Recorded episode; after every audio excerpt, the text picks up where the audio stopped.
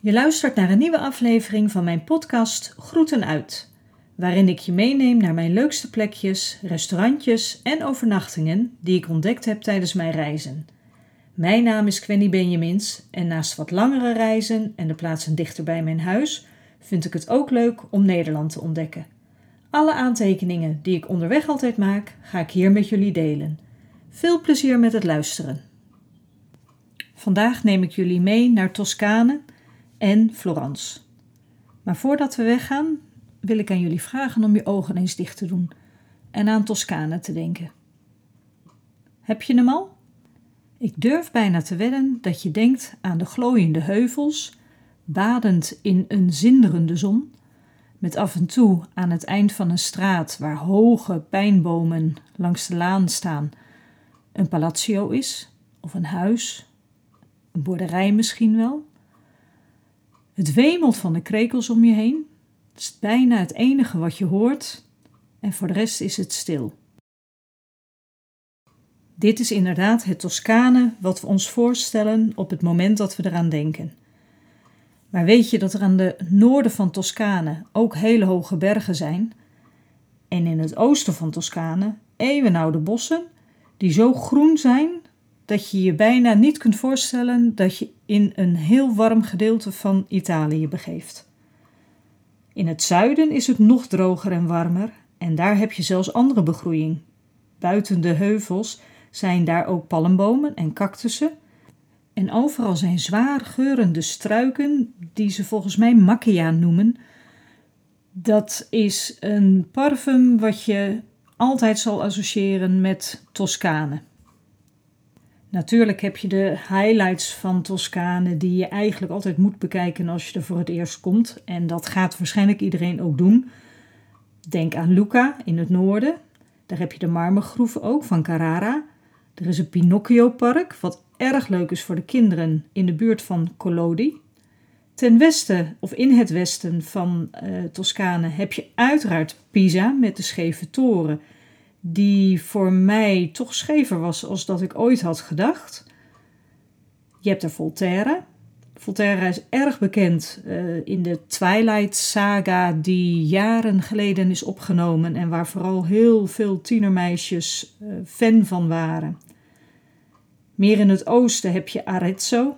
Arezzo is een erg leuk stadje en daar kom ik straks ook nog eventjes op terug. Daar heb je ook de eeuwenoude bossen die zich uitstrekken tegen de grens van de Marche en Umbrië, wat gewoon meer ten oosten van Toscane ligt. Het zuiden van Toscane is misschien iets minder bekend bij iedereen, maar vergeet niet dat je daar de havenstad hebt, Piombino. Vanuit die havenstad kun je de oversteek maken naar Elba en ook de oversteek maken naar Corsica in Frankrijk. Ik moet je eerlijk bekennen dat ik die streek eigenlijk niet zo goed ken, dus daar kan ik je niet zoveel over vertellen. Waar ik je wel meer over kan vertellen is het midden van Toscane. En dat is een beetje de Chianti-streek, die eigenlijk het bekendste is uh, bij iedereen. En dat is tevens de streek waar ik jullie graag mee naartoe neem deze keer. De Chianti-streek, nou, het woord zegt het natuurlijk al, staat vooral bekend om zijn wijn, de Chianti-wijn. Je hebt in de Chianti-streek ook behoorlijk grote wijnhuizen. Denk aan Montepulciano, San Gimignano, Montalcino. Dat zijn echt de huizen waar de meesterwijnen van uh, de Chianti-streek worden gemaakt. En je herkent een Chianti-wijn ook als je een Classico-wijn hebt aan de zwarte haan, die als uh, symbool op het etiket staat de Gallo Nero, zoals de Italianen dat zeggen. Maar ook de gewonere wijnen waar de zwarte haan niet op staat, zijn beslissend proeven waard. Dus ga gerust je gang en stop ergens langs de weg waar je de bordjes ziet staan dat je wijn kunt proeven. Er is een hele bekende uh, wijnroute die daar doorheen loopt, die je kunt rijden. Dat is de S222. En dat wordt in de volksmond de Chiantiweg uh, genoemd. Die loopt tussen Florence en Siena in. En als je die weg volgt, dan zie je overal langs de route huizen, wijnkastelen, wijnboerderijen, waar je eigenlijk altijd de wijn wel kunt proeven die ze daar verbouwen.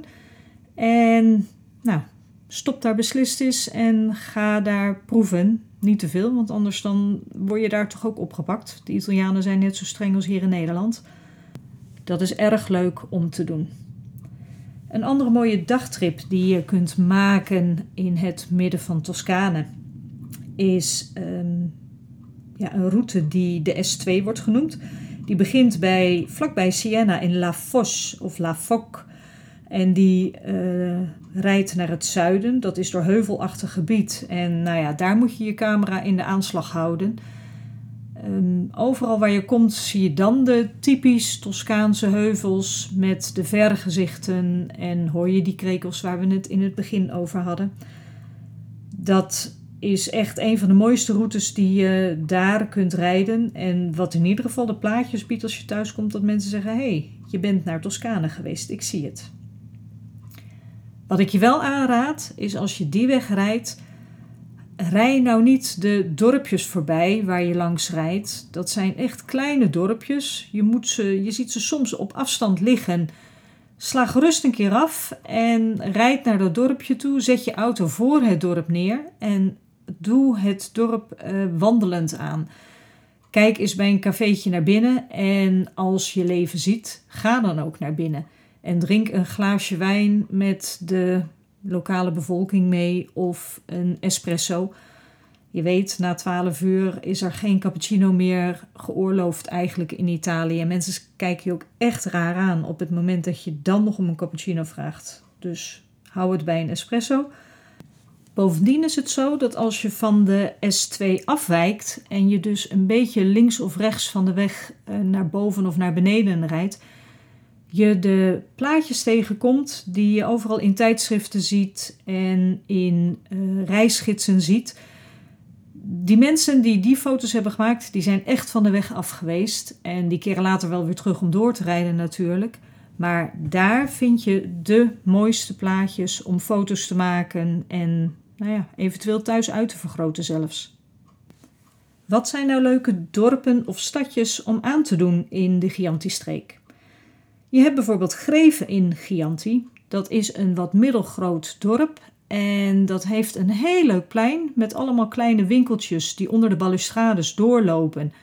Waar je de heerlijkste koffie kunt drinken. En ehm, wil je nou gaan eten, dan raad ik je echt aan om van het plein af te gaan en de zijstraten te proberen. Daar heb je restaurantjes zitten die de echte bistecca ehm, serveren zoals de, dat eigenlijk in Toscane gebruikelijk is. Ehm, de dikke plakken vlees, ehm, ja, de biefstuk eigenlijk, die op een bepaalde manier gegrild wordt. Nou, die moet je echt niet op de toeristische plekken, highlights uh, eten echt eventjes van de pleinen afgaan, kleine straatjes doorlopen en proberen om daar iets in een liefst een zo klein mogelijk restaurantje naar binnen te gaan om de echt heerlijkste uh, bistecca florentina heet dat te eten. Natuurlijk staat Greven in Chianti ook bekend om zijn wijnen. Het heeft diverse wijnhuizen in de omgeving liggen. Sommige wijnhuizen hebben een geniaal uh, plan bedacht om de wijnen te proeven.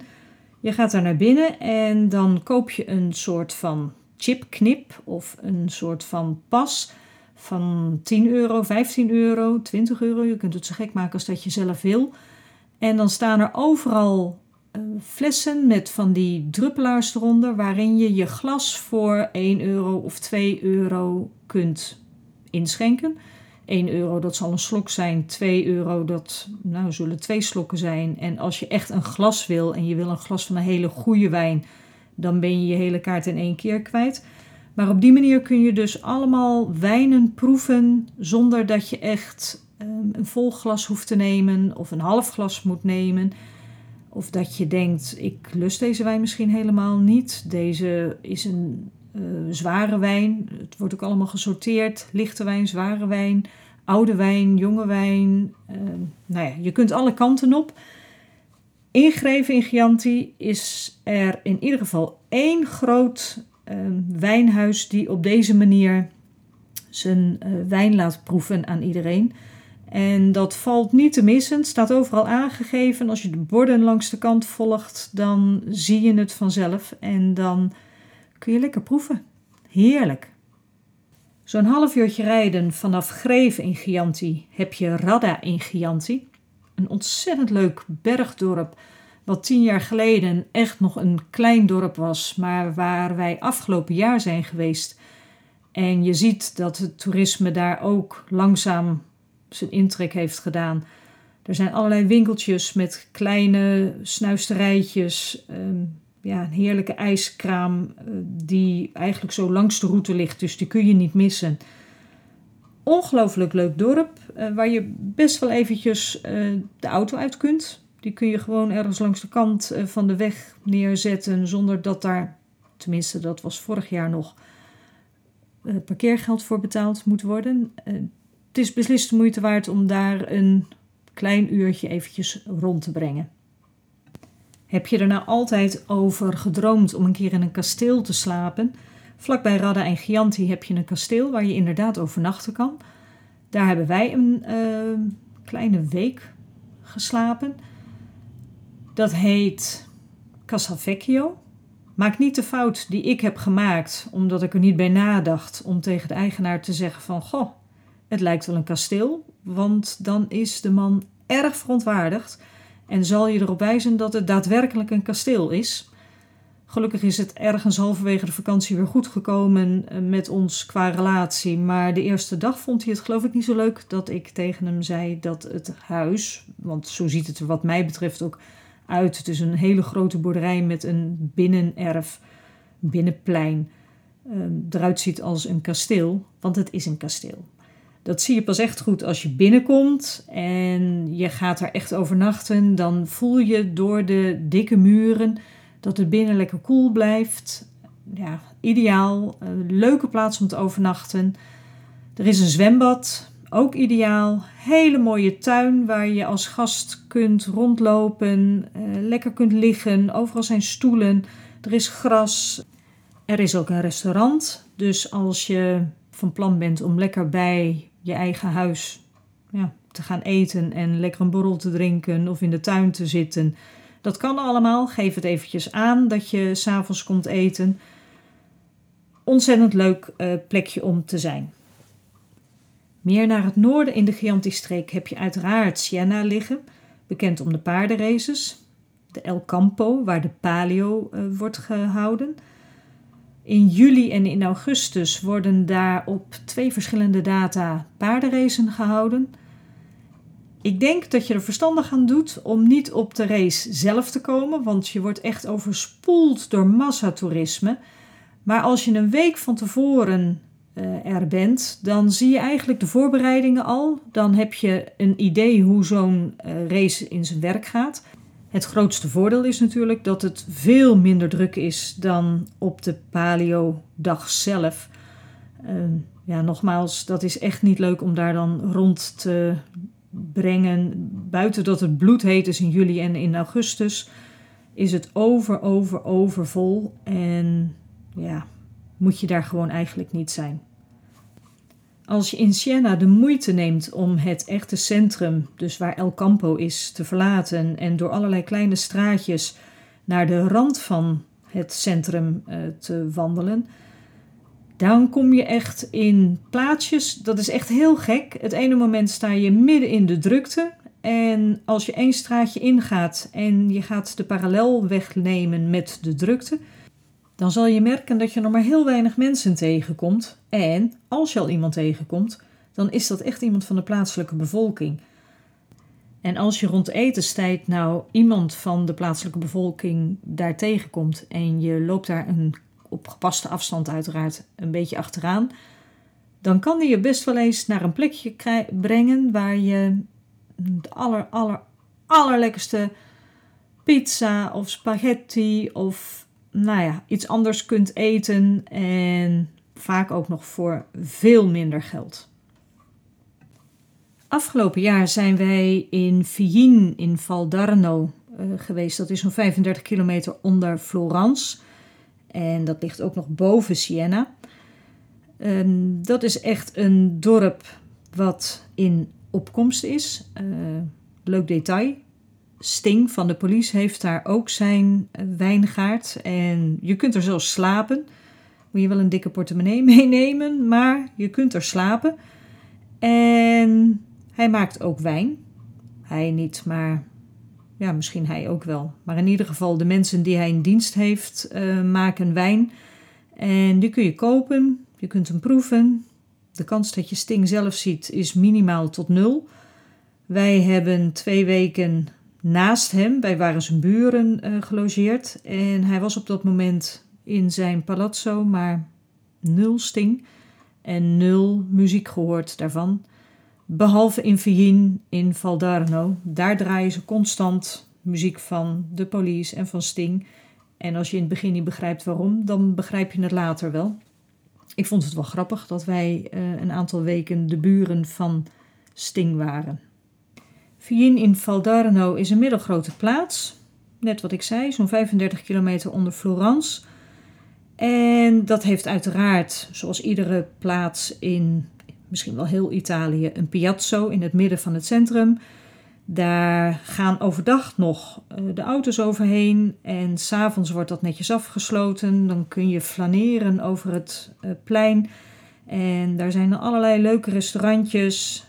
Het is nog maar de vraag of je echt wil gaan eten, want ook Vien in Valdarno doet mee aan wat ze dan noemen de aperitivo. Dat betekent dat je vanaf een uur of zeven een aperitief kunt drinken. Maar dan worden de barren helemaal volgezet met allerlei hapjes en uh, ja, dingetjes die over zijn gebleven van het middageten. En je mag echt ongelimiteerd opscheppen. De eerste keer dat je dat ziet, denk je van oké, het is zeker de bedoeling dat ik een stukje brood erbij pak, of wat olijfjes, of een beetje aardappelsalade, of nou ja, een, een pasta salade. Maar dat is niet zo. Het mag allemaal op. Het moet ook allemaal op, want uh, ja, zij doen niet aan verspilling, wat heel fijn is. En de andere dag wordt alles weer vers gemaakt. Dus wat op dat moment overblijft, wordt ook echt weggegooid. Dus ja, als je een kleine honger hebt, omdat je tussen de middag veel gegeten hebt, dan kun je met een aperitief of twee en de hapjes die je daarbij krijgt echt voldoende hebben om nou ja, de hele nacht weer door te komen. Een superleuk restaurantje in Vien in Valdarno is. Um, moet ik even kijken hoe dat ook alweer heet. Bar Osteria, Ostinati. En dat is een klein barretje. Die zit aan de zijstraat van het Piazzo, het grote plein in het centrum. En als je daar gaat eten, dan kan het zomaar zijn dat als je binnenkomt, dat je denkt: oh nee, ik moet hier mijn eten kopen en ik moet dat mee naar huis nemen.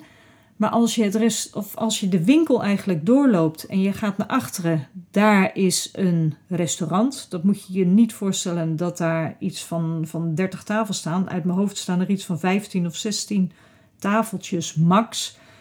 En daar zit de plaatselijke bevolking voornamelijk te eten, dus je moet het ook echt weten. Zeg tegen de eigenaar dat je graag wil eten. Hij zal vragen of je gereserveerd hebt. En de eerste keer hadden wij dat niet gedaan. En toen werd er wat heen en weer gepraat en geschoven. En uh, nou ja, er werd eigenlijk wel duidelijk gemaakt dat het handig is om te reserveren. En op het moment dat wij toen naar buiten wilden lopen, uh, ja, omdat we dachten dat het echt helemaal vol zat, hield hij ons tegen. Kregen we een glas wijn van eh, de zaak en werd er met handen- en voetenwerk duidelijk gemaakt dat we toch eventjes moesten wachten en dat er straks echt wel weer plek zou zijn. Dus we hebben daar een kwartier of twintig minuten staan kijken in de winkel, wat op zich al ontzettend leuk is om te doen. Je ziet dat de gerechten allemaal uh, vanuit de keuken naar binnen worden gebracht, maar je ziet dus ook dat de plaatselijke bevolking hun verse pasta en hun verse soep en eten uh, komen halen. En misschien zelfs dan thuis gaan opwarmen of iets. Dat weten wij natuurlijk niet. Um, en op het moment dat er plek is, dan word je naar achteren doorgeschoven. Ga je zitten aan een tafeltje. En grote kans dat je het tafeltje moet delen met een. Ja, iemand, de buurman misschien wel van de achterkant. Of uh, in ieder geval iemand die in het dorp woont. En met handen en voeten wordt dan duidelijk gemaakt wat op dat moment het lekkerste op de kaart is. Ze hebben ook allerlei aanbevelingen per dag anders. Um, ja, heerlijk. Echt smullen, niet duur. Uh, heerlijke wijn. Uh, ze proberen ook aan alle kanten om je in de watten te leggen. En het allerleukste is als je een tweede dag of een derde dag uh, terugkomt, dan ja, word je onthaald alsof je kind aan huis bent en alsof je helemaal bij de inboedel hoort. Uh, erg, erg, erg leuk restaurant. Bar Osteria Ostinati in Filin in Valdarno. Tja, en als je dan zo dicht bij Florence zit, dan kun je niet anders als dat je naar Florence gaat.